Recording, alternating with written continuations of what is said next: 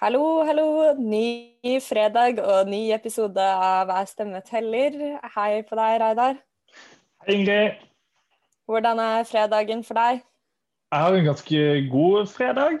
Eh, det, det begynner jo å komme noen hint om at, eh, om at samfunnet åpner litt opp igjen. Eh, og i dag så har jeg rett og slett funnet veien til Rødt sitt partikontor for å, for å, gjennomføre noen oppgaver som ikke kan gjøres hjemmefra. Så det å komme seg litt ut og se mennesker igjen, det er skikkelig, skikkelig god følelse. Hvordan er din fredag?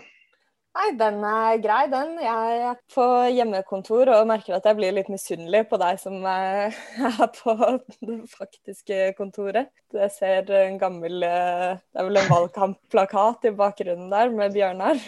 Ja, stemmer. Eh, og der, på den valgplakaten så skryter vi av at vi fikk 5% på en måling i Oslo.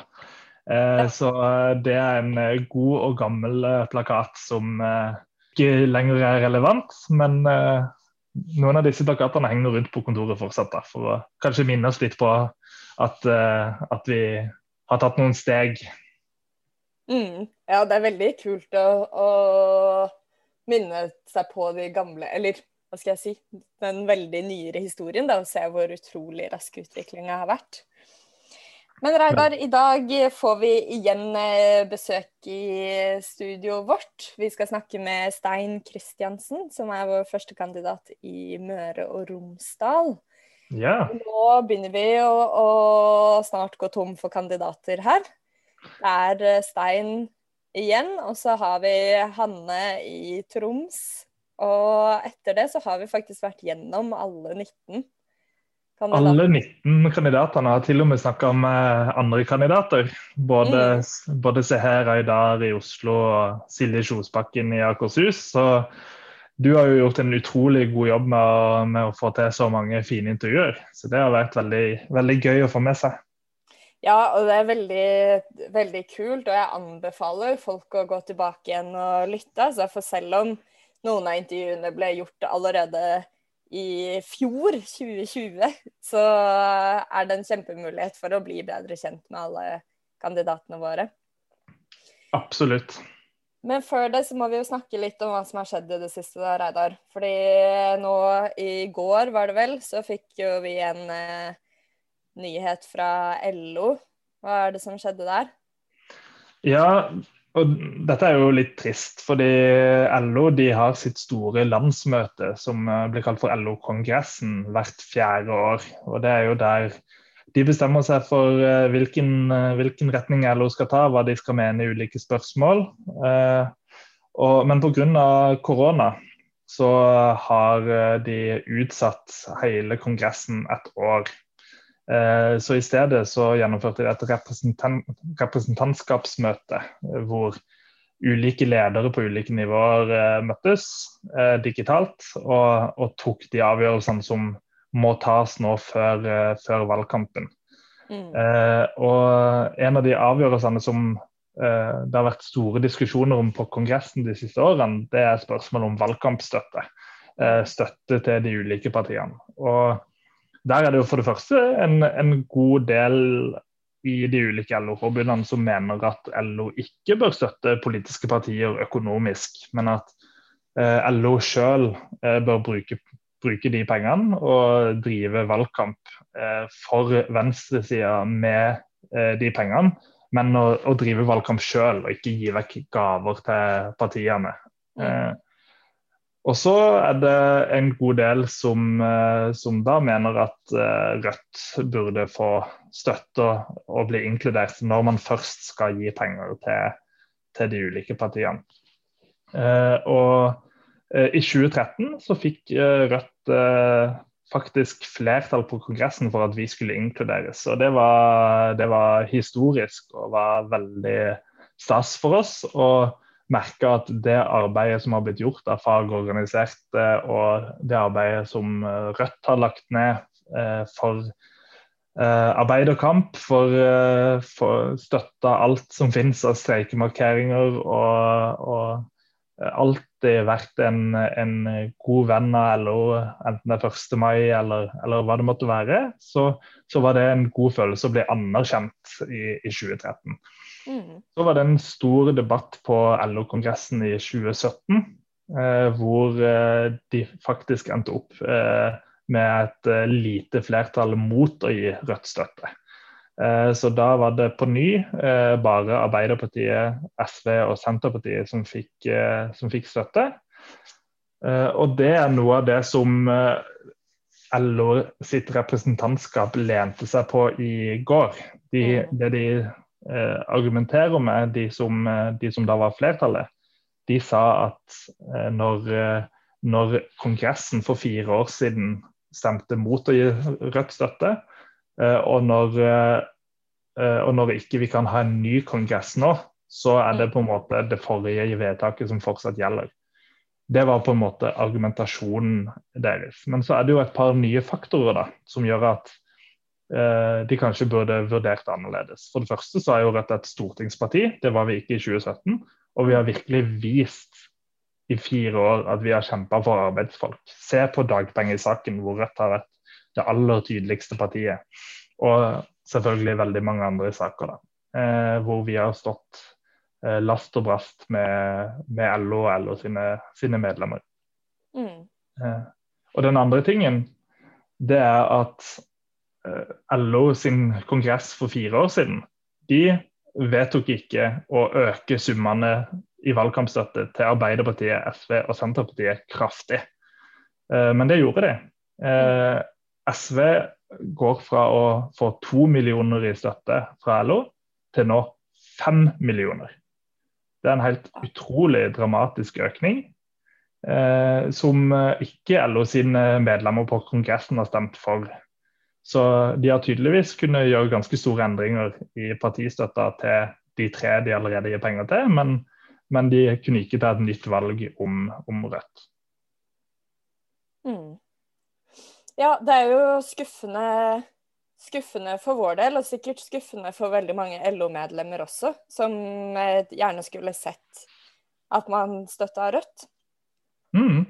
Og Det ser du f.eks. Eh, på, på økninga Rødt har blant LO sine, sine, medlemmer på alle sånne interne undersøkelser i LO nå, enten det er Fellesforbundet, Fagforbundet eller hele LO, så, så har Rødt eh, vokst eh, blant, medlemmene, blant medlemmene i LO. Så det er ingen tvil om at mange medlemmer i LO ser på Rødt som et eh, nytt arbeiderparti, men, eh, men deler av LO stritter imot, og det er dessverre mange av de som, eh, som har mye de skulle ha sagt. Eh, mm. Så er det verdt å nevne at spørsmålet om pengestøtte til, til Rødt, det var, det var ganske jevnt. Så, så, det var vel 57 som stemte, nei 67 som stemte mot at Rødt skulle få støtte. Og så var det 59 som stemte for, og 11 som ikke stemte. Så det var jo det hadde bare vært fire-fem stykker som snudde, eh, så hadde det vært nok til å faktisk få flertall. Så eh, vi må jo også takke alle de som, eh, som, ser på oss som en alliert, og som vi kan jobbe sammen med i fortsettelsen, som, som vi vet at selv om mange av de ikke er Rødt-velgere, så, så, ser de på Rødt som, som en alliert. Og Det skal vi vise de også når vi kommer over sperregrensa. det er at Rødt er et arbeiderparti som, eh, som eh, har veldig mye felles interesser med LO. Mm. Ja, og kanskje mer enn penger og fine ord, så ønsker vi oss at LO-medlemmer blir med og driver valgkamp, og også gjerne for Rødt. Men først og fremst for arbeideres rettigheter og lønnsløft for kritiske yrker og for et organisert arbeidsliv. Absolutt.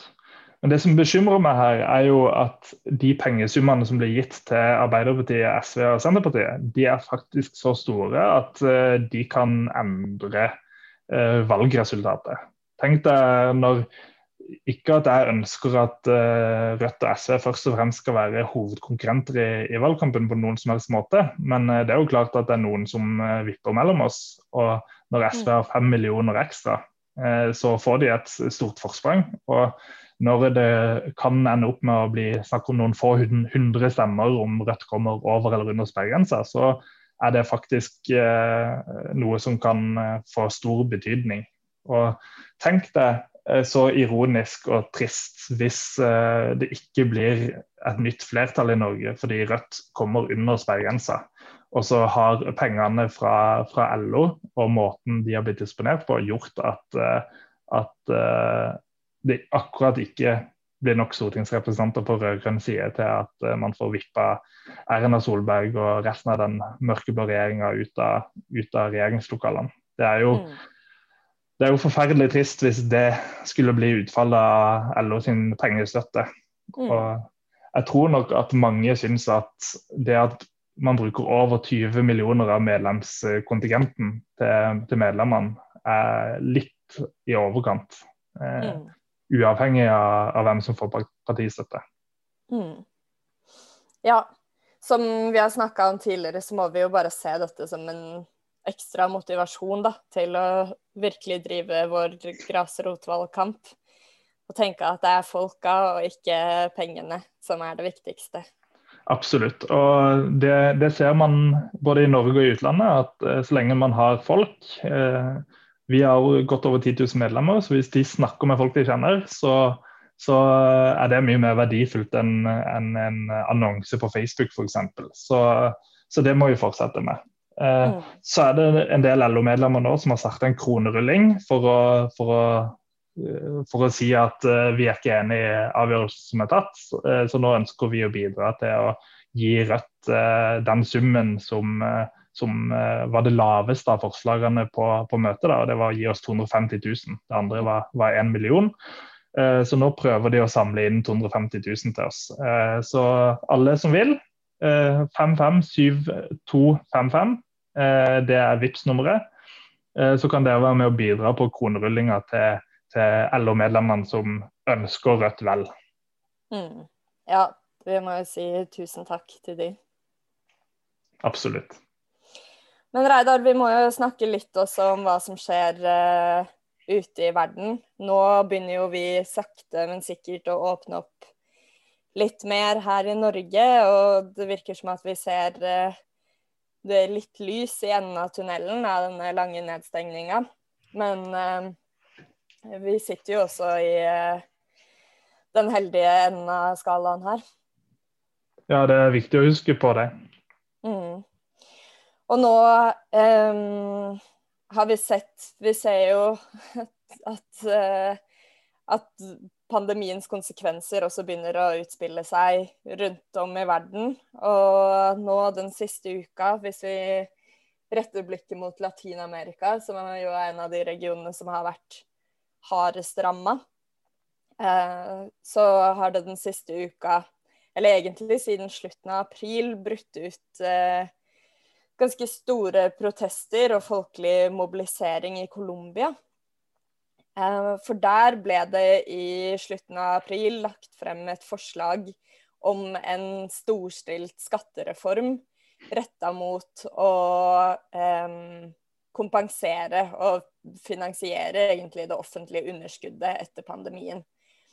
Og det er jo i et land hvor eh, folk flest egentlig ikke har fått noen kompensasjon eller støtte eller hjelp eller eh, tilgang til helsevesen under pandemien. Så det her har jo skapt en kraftig reaksjon blant folk flest. Og hele reformen er jo retta mot eh, vanlige innbyggere som allerede har lite å rutte med, og vil gå kjempehardt utover arbeiderklassen først og fremst, og nedre sjiktet av middelklassen. Og det er jo en gruppe som allerede ja, sliter økonomisk og har fått enda et uh, slag i magen som følge av pandemien. Og der har sentrale fagforeninger eh, først og fremst, men også sosiale bevegelser, studenter, afrocolombianere og urfolksgrupper. Um, starta en ja, gått ut i gatene og starta protester. En såkalt nasjonal streik. Det er veldig sånn tradisjon for eh, folkelige nasjonalstreiker, hvor folk tar til gatene. Um, og det er jo først og fremst vært retta mot denne skattereformen, men det handler jo om større og dypere eh, problemer og samfunnsproblemer og en økonomisk politikk enn som så. Og det er jo et land som har halta ganske mye etter fredsprosessen, og nå har eh, en sittende president som eh, ikke ser ut til å være interessert i å drive noen omfordelingspolitikk eller å løfte løfte eh, arbeiderklassen. Og disse protestene, da, de har jo starta fredelig i alle, alle de store byene. Har det vært marsjer og opprop og appeller og ja, hvor folk har krevd en stans av denne skattereformen. Men nå i denne uka så bestemte president Duque seg for at uh, dette skal vi ikke ha noe av, og har rett og slett sendt inn militæret. Um, og her er det byen Cali, som er den tredje største byen i Colombia, som er hardest ramma, og hvor forsvarssjefen rett og slett har tatt kontroll over hele byen. Um, og menneskerettighetsorganisasjoner flere urfolksorganisasjoner, bondeorganisasjoner, roper nå om hjelp, om å sette søkelyset på Colombia og se hva som faktisk skjer, og se at dette er et statlig overgrep mot befolkningen. Og det er jo forferdelig å se, ikke sant? For det er her er det jo et folk som ønsker, som ønsker sosiale reformer, og som ønsker rettigheter, og så går de inn med tungt væpna militær, og det rapporteres om flere titalls døde. De offisielle tallene får jo eh, har vi jo fått beskjed om fra flere menneskerettighetsaktivister at ikke stemmer, at det underrapporteres. Eh, og at det er masse tilfeller av både drap og seksuell vold, arrestasjoner veldig mange skadde.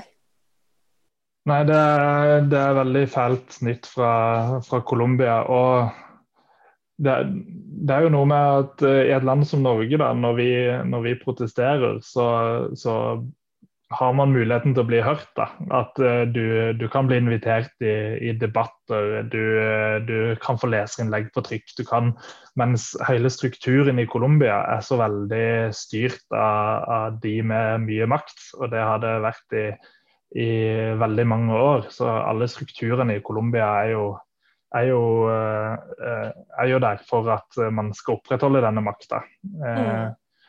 Og og, det, og, da har man ikke noe annet valg enn å ta, ta til gatene og, og, protestere til man, til man, tvinger fram at man blir hørt. Eh, men så ser du også at uh, hadde noe lignende skjedd i Ecuador eller Bolivia eller i Venezuela, så hadde jo USA nærmest uh, vært på vei for å, for å kaste presidenten. og og sendt inn noe CIA. Ikke sant? De hadde kjørt den gamle, gamle boka. Mens Mm. Og, og, da får man gjerne med seg vestlige medier også på, på, på den problematiske presidenten. Mens i, i Colombia, som er et land som har god forbindelse til, til USA, så, så, blir det fort eh, helt annerledes. Men nå er det jo så dramatisk det som skjer der, at det faktisk begynner å, å få internasjonal oppmerksomhet. Så det er i hvert fall et framskritt. Og jeg tenker at dette er en situasjon som også må leses inn. Det er ikke et særfenomen for Colombia. Dette er et resultat av eh, altså manglende hva skal vi si, tiltak for å sørge for at de sosiale og økonomiske forskjellene ikke eskaleres under pandemien. Eh, mm. Som det har gjort så utrolig mange steder. Og det er jo det, det går an å trekke globale paralleller, da og se at ja, tiltak som settes inn for å først og fremst redde økonomien, eh, settes inn mot vanlige folk. Det er vi som skal bidra for å sørge for at store ikke skal gå under. Ja, du, du, ja, du merker hva det er økonomien er til for. Den er ikke til for, eh, for vanlige folk, den er til for, eh, for at børsene skal, skal, gå sin gang, og for at de som har mest, skal tjene mer penger. Så det er helt riktig. Og da blir det jo protester. Så det er jo, det er jo den gode nyheten da, at folk kan mobilisere og organisere seg. Og så er det fortsatt sånn i i land som, eh, som Colombia, at da, da, tyr gjerne makta til veldig harde, harde motmidler. Da. Mm. Ja, så vi håper nå at uh, at uh, fokuset blir satt på Colombia, og at verden vil følge med, og at man får stansa disse overgrepene da, og sikra colombianske borgeres rett til sosial protest. Mm.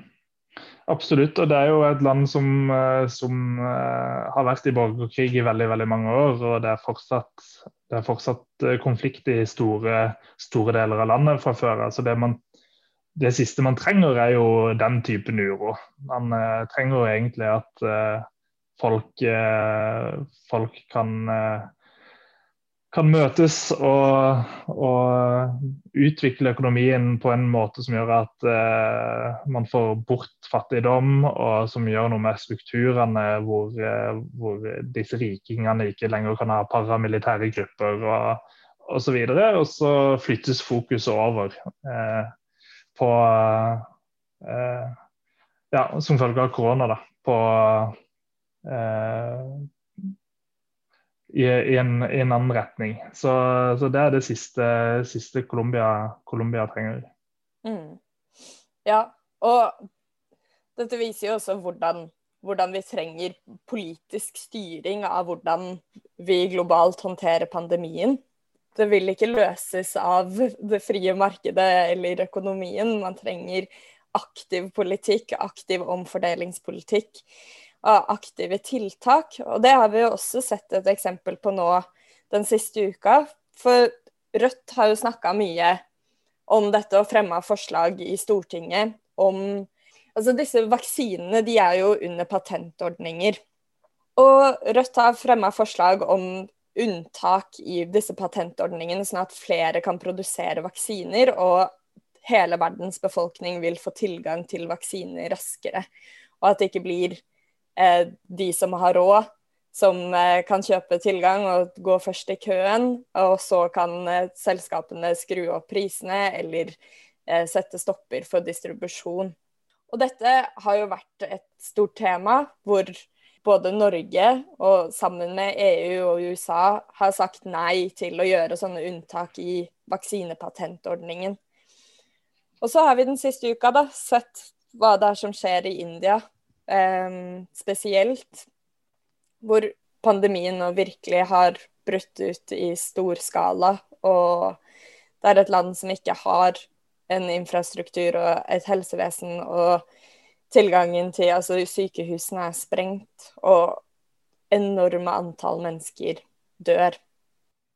Og dette har jo blitt eh, lagt merke til og både India og Sør-Afrika, tror jeg, der, som har krevd å få en unntaksordning for patent på vaksiner, sånn at de kan få vaksinert befolkningen sin, og man kan få jevne ut denne nord-sør-skillet over hvem som har tilgang på vaksiner.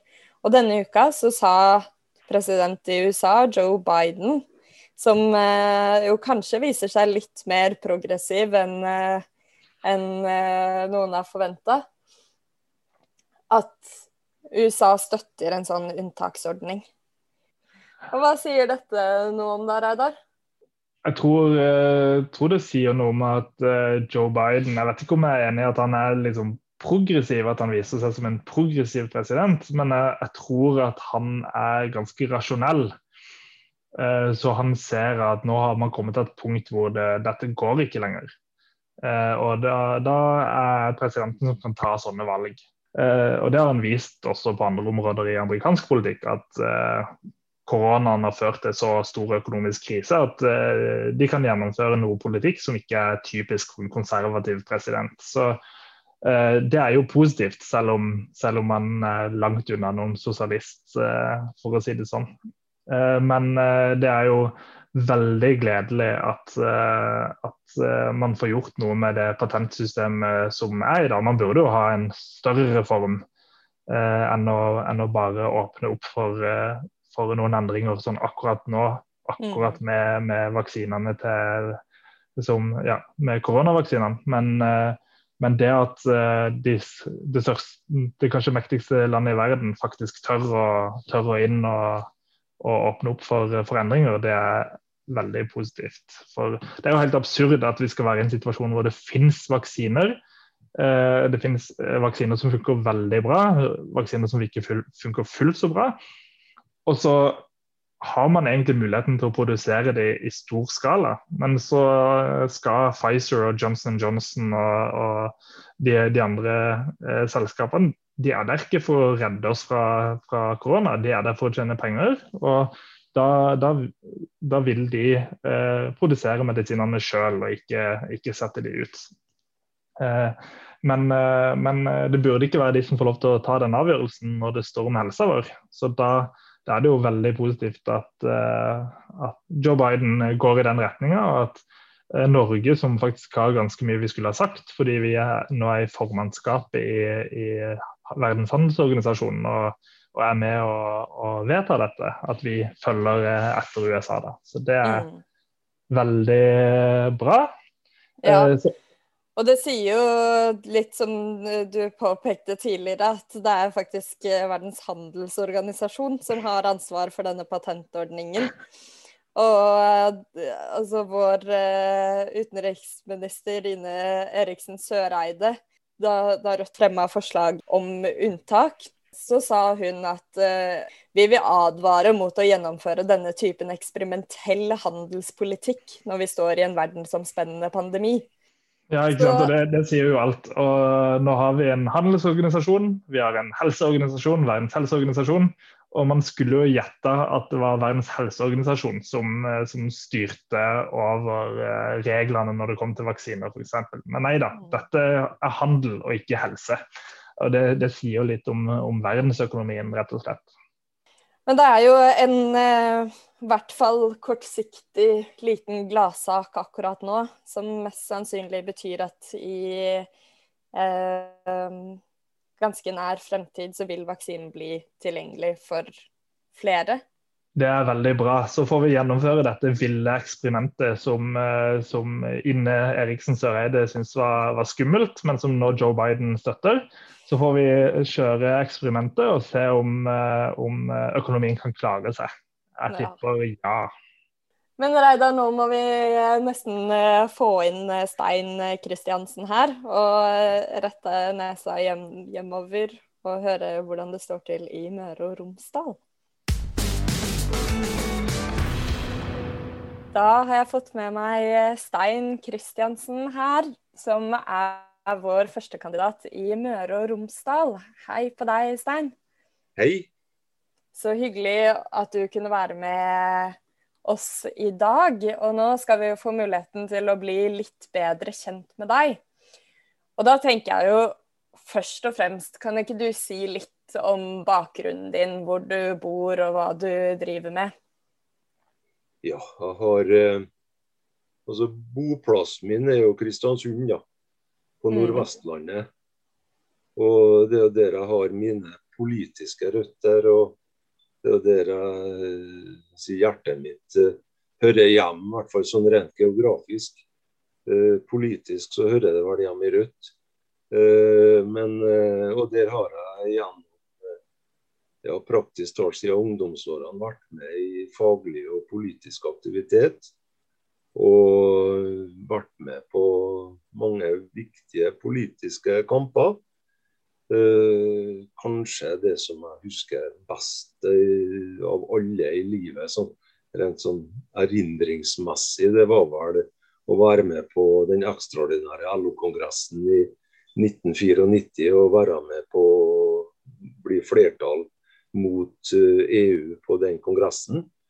Og så kan det nå være tenke seg det at kanskje var det et av de viktigste bidragene til at vi faktisk eh, holdt oss utenfor EU under eh, folkeavstemninga i 94. Og eh, ja, det, det, har vært et interessant og spennende liv med gode og nære kontakter til den lokale fagbevegelsen. Og så har jeg vært aktiv i forhold til sykehuskampen i Møre og Romsdal. og bidratt til at vi i hvert fall som lokalsamfunn står samla om å forsvare lokalsykehuset vårt, og også er innbitte motstandere av foretaksmodellen. Så det er et uh, langt og brogatt liv, men uh, et spennende liv. ja, det tror jeg på.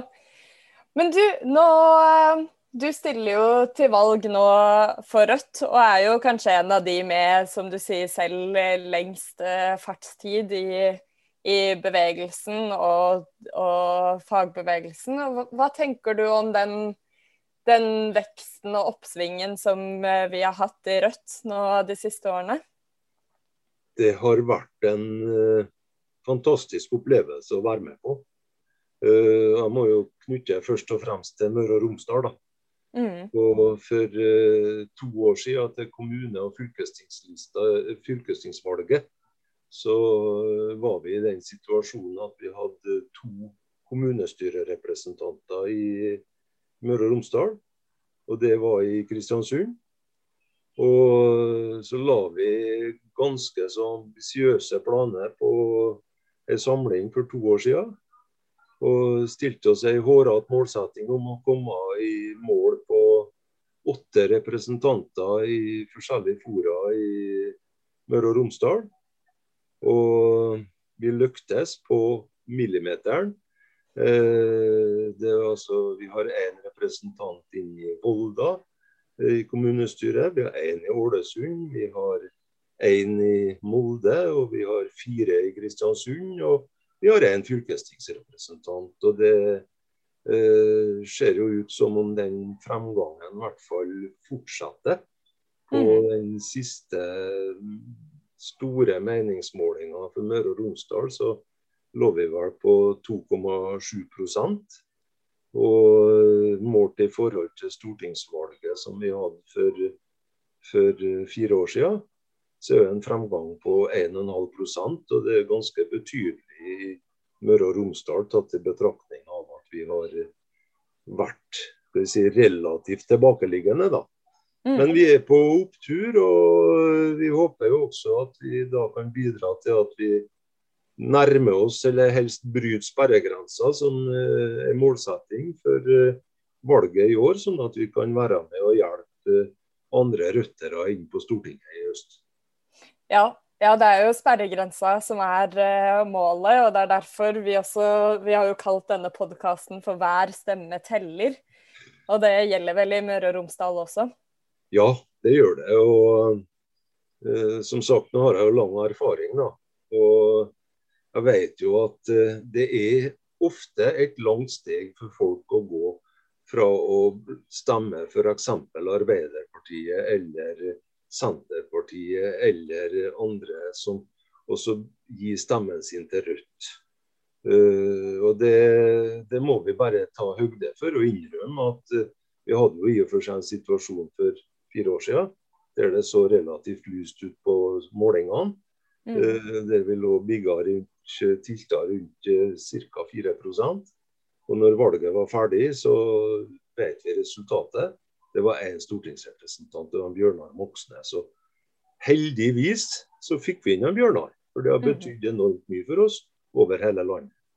Og det, altså det er å få tent opprørsflammen så godt i hjertet på folk at når de går inn i stemmeavlukket, så vet de med sikkerhet at vi skal ta Rødts liste og legge konvolutten og bruke den til årets valg.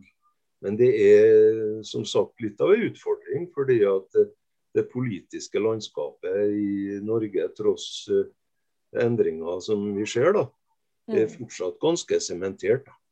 Mm. Ja, det er det. Men det virker jo også som at det er en del bevegelse, og at folk kanskje begynner å få øynene opp for en del strukturer i samfunnet og ser ser resultatet av den uh, urettferdighetspolitikken som føres nå.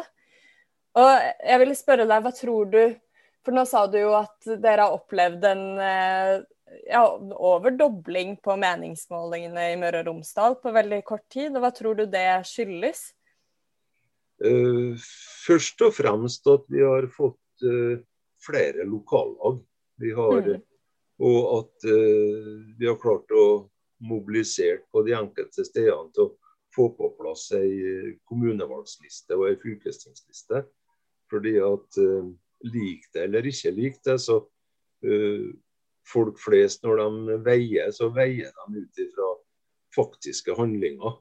Mm. Og uh, uten at vi er til stede sånn organisasjonsmessig og, og representasjonsmessig i de forskjellige kommunene, så har de ikke noe målestokk. og Eh, for Møre og Romsdal så er det også en, et relativt vanskelig fylke rent sånn geografisk og økonomisk å drive eh, organisert rødt-arbeid på. Så vi er avhengig av at det gjøres en kjempebra jobb i Volda, i Ålesund, i Molde og i Kristiansund. Og det er det som er basisen for at vi kan øke oppslutninga vår. Mm. Ja, for hvordan er det drive valgkamp i et, uh, i et uh, såpass stort uh, fylke og med kronglete avstander og fjord og fjell? Et godt spørsmål. og Spørsmålet blir jo enda litt vanskeligere når, når vi vet at kanskje koronaen kommer til å virke i forhold til valgkampen. sånn at kvalitativt sett så blir det jo en annen måte å drive valgkamp på.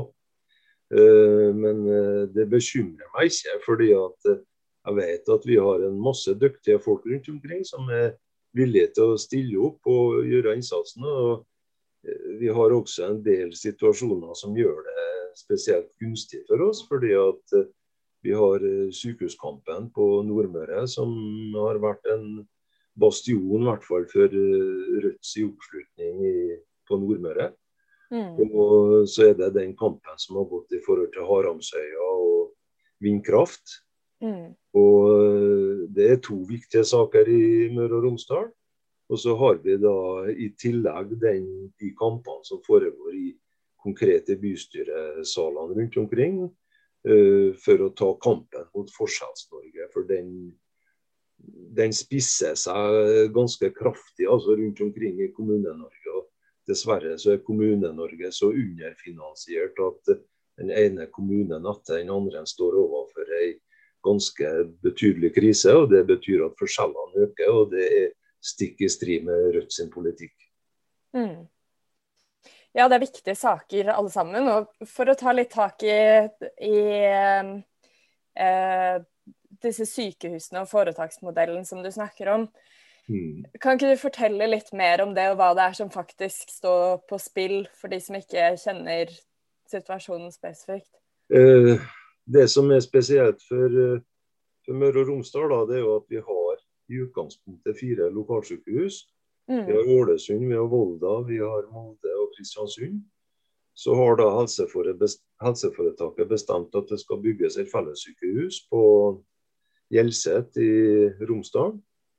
Og her har eh, kampene vært eh, knallhard politisk, vil jeg påstå. Altså fra eh, Vi har holdt på i ja, egentlig flere tiår, men det har spissa seg med helseforetaksmodellen, som er et ja, en strikt gjennomføring av New Public Management og markedsstyring av helsesektoren. og Eh, resultatet av det er da at du får lokalisert et eh, fellessykehus på Hjelset.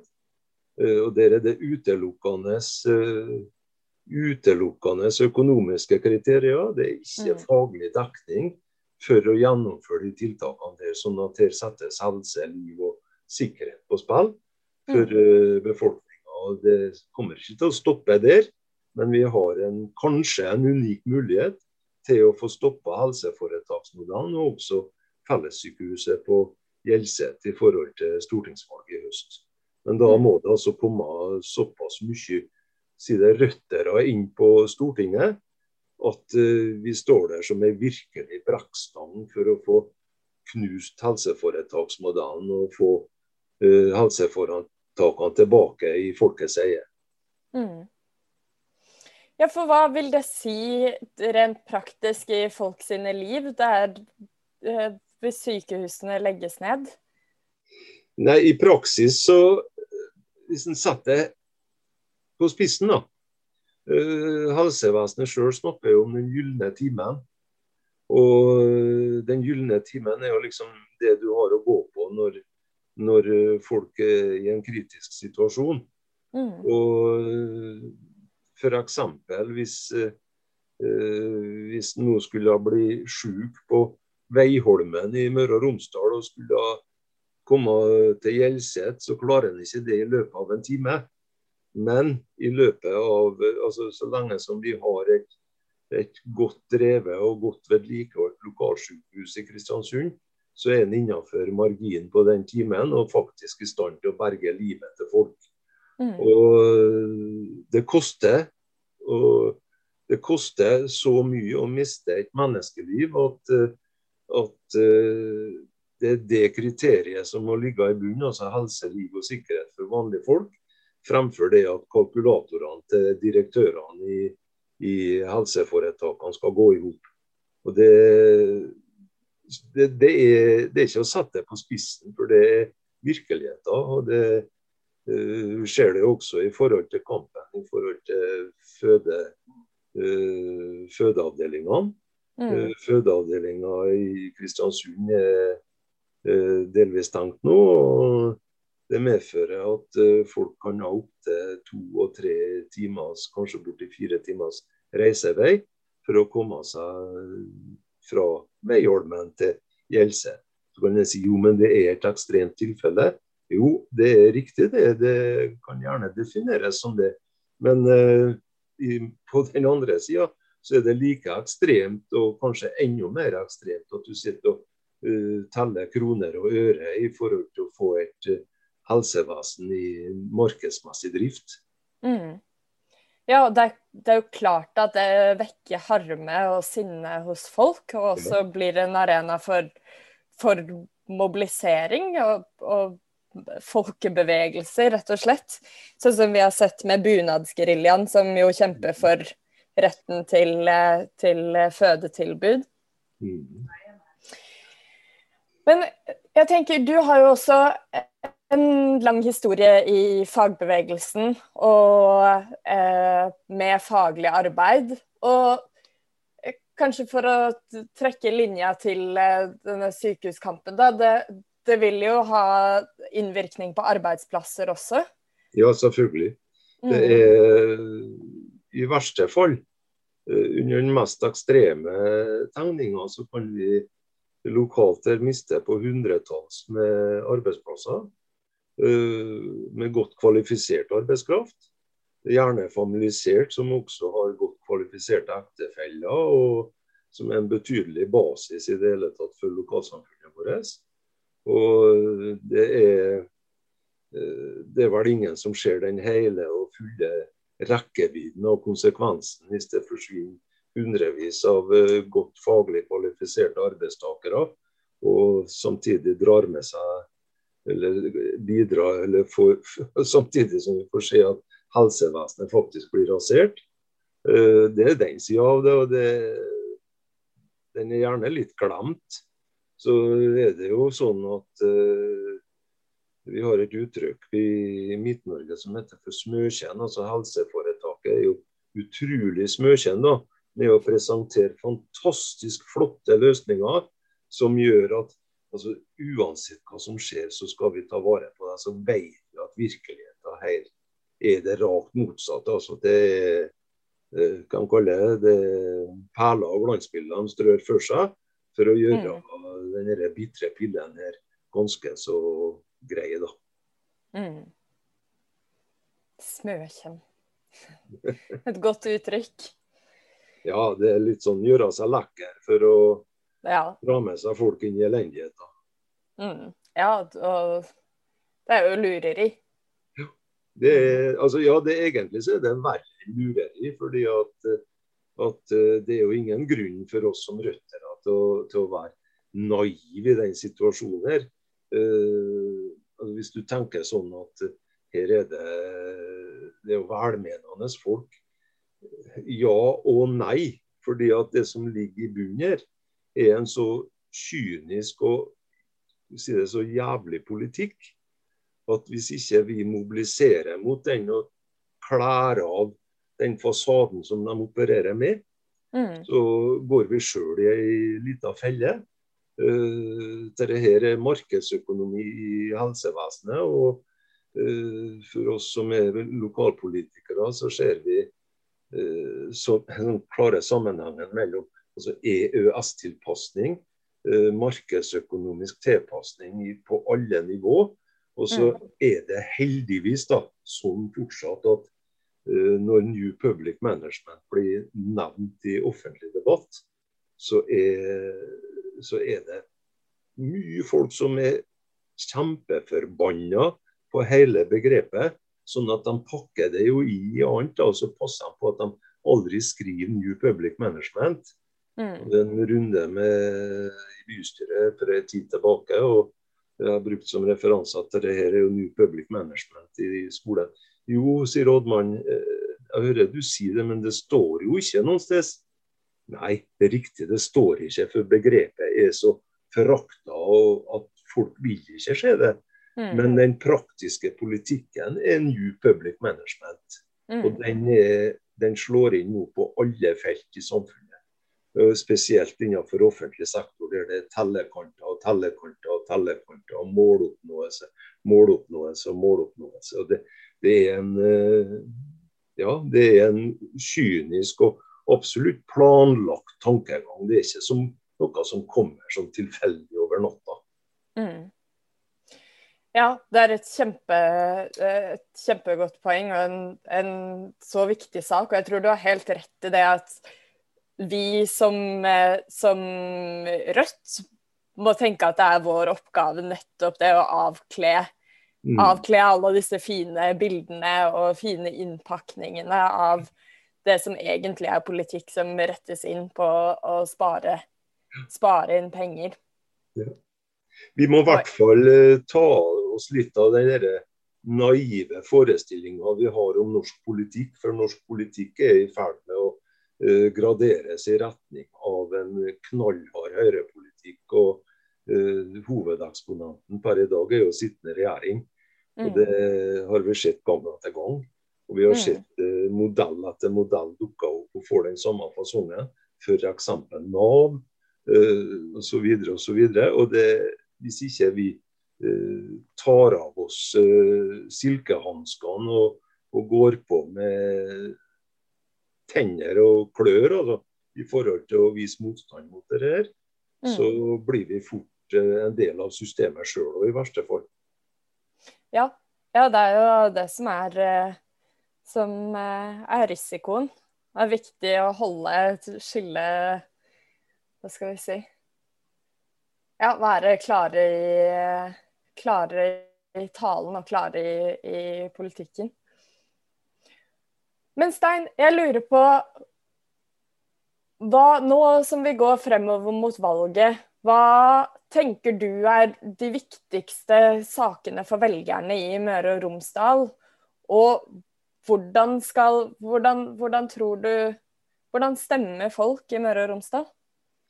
Ja, Det skal bli spennende å se. Som sagt, Vi hadde en meningsmåling på 2,7% mm. Når den ble vekta, så hadde vi altså 4% eller 4 i, på Nordmøre, 1 i Romsdalen og 3 på Sunnmøre. Og så vet vi at uh, Møre og Romsdal tradisjonelt har vært et uh, relativt uh, konservativt fylke. Mm. Og så vet vi at ja, hun godeste Fremskrittspartilederen kommer til å stå på topp på lista på Sunnmøre. Og vi har, altså vi har, Det er en krisesituasjon, og vi skal være oppmerksom på at historien viser oss at i sånne situasjoner så kan det fort skje at folk beveger seg i retning høyre i stedet for mm. venstresida. det er historisk og grunnleggende erfaring. Og det som da er viktig for oss i denne forbindelsen, det er at vi holder på de tingene i Rødt som folk identifiserer Rødt med. Altså kampen mot Forskjells-Norge, kampen mot EØS, profittfri velferd. Så de tingene vi allerede har sagt er hovedsakene våre i valgkampen. For vi må skape en identitet som er uh, særegen ut ifra vårt ståsted. Og så konsentrere oss om det og mobilisere folk på det. Og lykkes vi med det, som er selvfølgelig både organisatorisk og økonomisk utfordring, men lykkes vi med det, så tror jeg vi kommer til å gjøre historiens beste valg for Rødt i Møre og Romsdal. Og forhåpentligvis at et godt valg i Møre og Romsdal også bidrar til at vi er med å sprenge sperregrenser og når et resultat der vi kan ha kanskje syv, åtte, ni, ti røttere på Stortinget i høst. Og det hadde, det hadde, vært en fantastisk mandag å fått lov til å våkne opp etter valget og hatt en sånn situasjon. Da Da mm. har vi jo kunnet rette ryggen og sagt vi har gjort en kjempeinnsats. Men eh, det kommer ikke av seg sjøl, da. Det gjør det absolutt ikke. Og det er jo der vi har den store fordelen da, med å være et, et, parti hvor de fleste av våre medlemmer er del av andre bevegelser, er en del av fagbevegelsen, er en del av miljøbevegelsen, av kvinnebevegelsen, og har, har røtter ut der hvor folk er, og kjenner til de kampene som folk står i i sitt daglige liv. Ja, jeg er helt enig med deg i det du sier. Altså, fordi at altså, Det å ha røtter i fagbevegelse, i kvinnebevegelse, i bunadsgerilja, i eh, nær sagt alle varianter av det som oppstår av eh, folkelige, sosiale bevegelser. Eh, det er der vi må bli kjent med folk, det er der folk kan bli kjent med oss. Og det er der de kan få tillit til oss. Og vi, vi, vi klarer aldri i verden å slå oss opp og bli noe populistparti eller noe. Og så velger vi den veien, så mener jeg satt på spissen at da kan vi avvikle Rødt-prosjektet. For da er vi ikke et hår bedre enn noen av de andre politiske partiene. Uh, det er ikke der vi skal være. Altså. Vi skal være et uh, sosialistisk, vi skal være et revolusjonært parti. Vi vil ha forandring. Og når vi engasjerer oss i politikken, så er det for å få forandring. Ikke for at vi skal sitte som klakører for et system som, eh, som eh, er bygd opp rundt det å forvalte kapitalismen. Nettopp. Det er som flere har, eh, har påpekt her i podkasten tidligere, at partiet i seg selv er jo bare middelet. Og mm. målet er jo den forandringen vi ønsker. Ja, vi bygger et parti fordi at det skal være et redskap for oss for å gjennomføre politikken. og uh, for å komme dit hen at vi faktisk får uh, resultat ut av det vi holder på med. Og det er, Hvis vi ikke har det verktøyet, altså organisasjonen og partiet, så spiller det egentlig, egentlig liten rolle hva vi mener individuelt eller for øvrig, for det vil knapt nok bli lagt merke til oss. Mm. Jeg har lyst til å spørre deg, Vi skal runde av uh, nå snart, Stein, men jeg har lyst til å spørre deg helt på tampen. For du har jo lang erfaring og har drevet med mye organisering av folk. Og et spørsmål jeg har stilt veldig mange av kandidatene, er hvordan, uh, hvordan man skal snakke med folk for å prøve å hva skal jeg si, overbevise de til at Rødt er partiet å stemme på i valget. Men til deg vil jeg kanskje heller spørre om hvordan eh, snakker man med folk til å bli kanskje medlem, noen som har meldt seg inn i Rødt, men det å, å bli et aktivt medlem, det å faktisk være med um, og drive valgkamp. Har du noen tips til hvordan man kan få folk til å liksom gå fra å være Eh, passivt medlem eller en Rødt-stemmer til å faktisk organisere seg. Det er interessant at du nevner det, fordi vi hadde medlemsmøte i Rødt her forleden. Mm. lokalt. Og vi er et uh, lokallag som består sånn Det blir jo litt sånn geografisk i Møre og Romsdal, da, men i Kristiansund så har vi altså 80 medlemmer. Vi hadde et oppmøte på ja, et sted mellom 15 og 20 medlemmer. Og vi har god spredning i forhold til politiske oppfatninger. Vi har hatt en grundig og god diskusjon i forhold til arbeidsprogrammet, behandling av arbeidsprogrammet osv. Og, mm. og det som eh, altså det, Der vi har eh, det som, er, eller det som vi har satsa på lokalt der, da, eh, i Kristiansund, det er at vi har prøvd å bygge opp rundt den aktive enheten. Og så har vi tillatt at det har vært politiske diskusjoner. Og så har vi et realt, eh, real opptreden, skikkelig opptreden overfor hverandre. Og resultatet er så bra. Ja, blir han selvfølgelig litt subjektiv, da. Men, eh, men altså, det er jo sånn at Det er lov å skryte litt.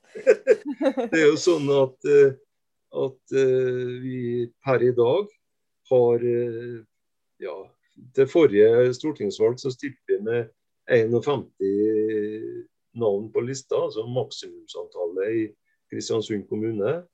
Nå eh, skal vi i hvert fall klare den om to år.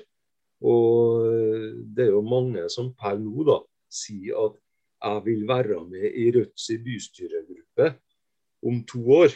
Og da er det lov å tenke i retning av at hvis vi utvikler det som vi allerede har, eh, mm. så er det kan vi komme i retning av at vi kanskje kommer opp i seks og sju og åtte representanter om to år.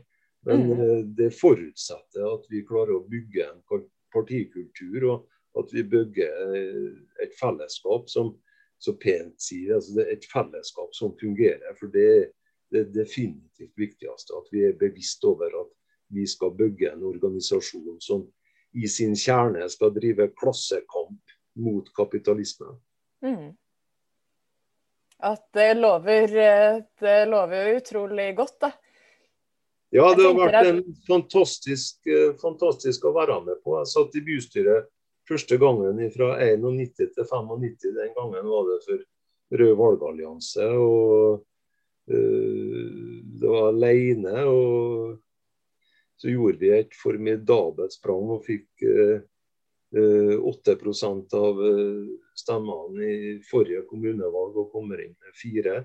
Og vi har ei bystyregruppe som, som eh, med aktive, brennende hjerter. Og det er ikke noe som, det er ikke noe som varmer ei gammel sjel så godt som det, da.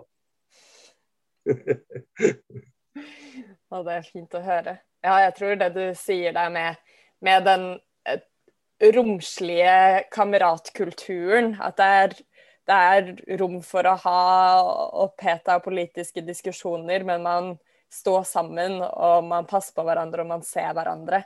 Ja. Det er viktig. Noe av det viktigste for å bygge gode, solide lokallag, som også holder utover de, de få månedene vi driver valgkamp. Ja, nei, vi har, vært, eh, vi har gjort utrolige steg fremover her. altså Vi hadde en diskusjon på på siste medlemsmøte. og uh, Det er en sånn entydig holdning om at uh, til valget om uh, fire år så skal vi ha litt av et team å jobbe på. Så jeg gleder meg. Det er godt å høre. jeg gleder meg. Ja, det gjør jeg også. Og nå, i første omgang, frem til valget, men Stein, tusen takk for at uh, du tok deg tid til å prate litt med meg. Og jeg ønsker dere masse lykke til i Møre og Romsdal med å forberede og planlegge valgkamp nå fremover. Tusen takk. Så skal vi dra det lasset her sammen og lande godt over den sperregrensa i september. Vi gleder oss til mandagen det valget, gjør vi ikke? det? Jo, det gjør vi. Tusen takk. Da får du ha en fin helg. Takk skal du ha.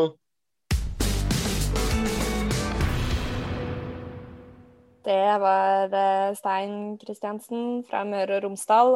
Og vi må jo som vanlig, eh, Reidar, se litt på tallene og hvordan eh, vi ligger an der borte? Ja.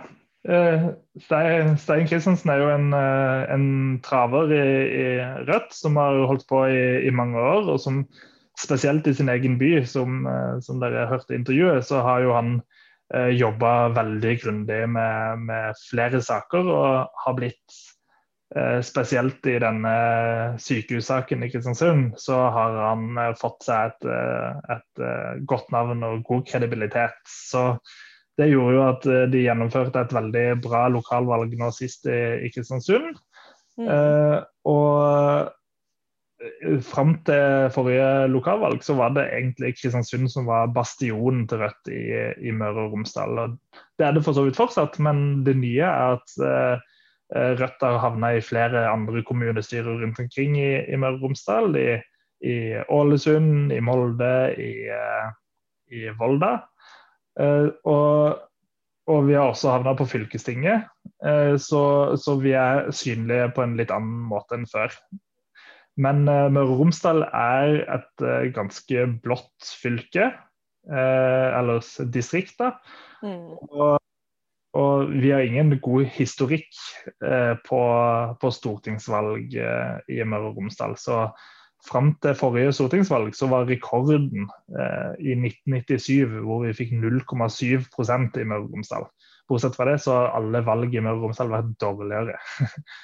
I 2000, eh, i, i, 2017 så, så eh, bikka man 1 og fikk vel 1, var det 1,2 eller 1,4? Tror det var 1,2. Så, så, det er ingen tvil om at eh, det er et vanskelig, vanskelig fylke for oss. Kanskje minner det litt om eh, noen av de stortingsvalgdistriktene i, i Sør-Norge, som er litt konservative og, og vanskelige. Men mm. Eh, men eh, det gjør ikke at det ikke er mulig å, å, styrkes. For eh, de målingene som har vært, det har lagt tre målinger i Møre og Romsdal siste halvåret, så ligger vi på mellom 2 og 3% Den beste målingen er vel på 2,7. Og det er jo en god dobling fra, fra sist stortingsvalg. Så eh, klarer de doblinga, så er jo på en måte jobben deres gjort. Vi må doble oss, eh, Klarer vi å doble oss nasjonalt, så er vi godt over sperregrensa.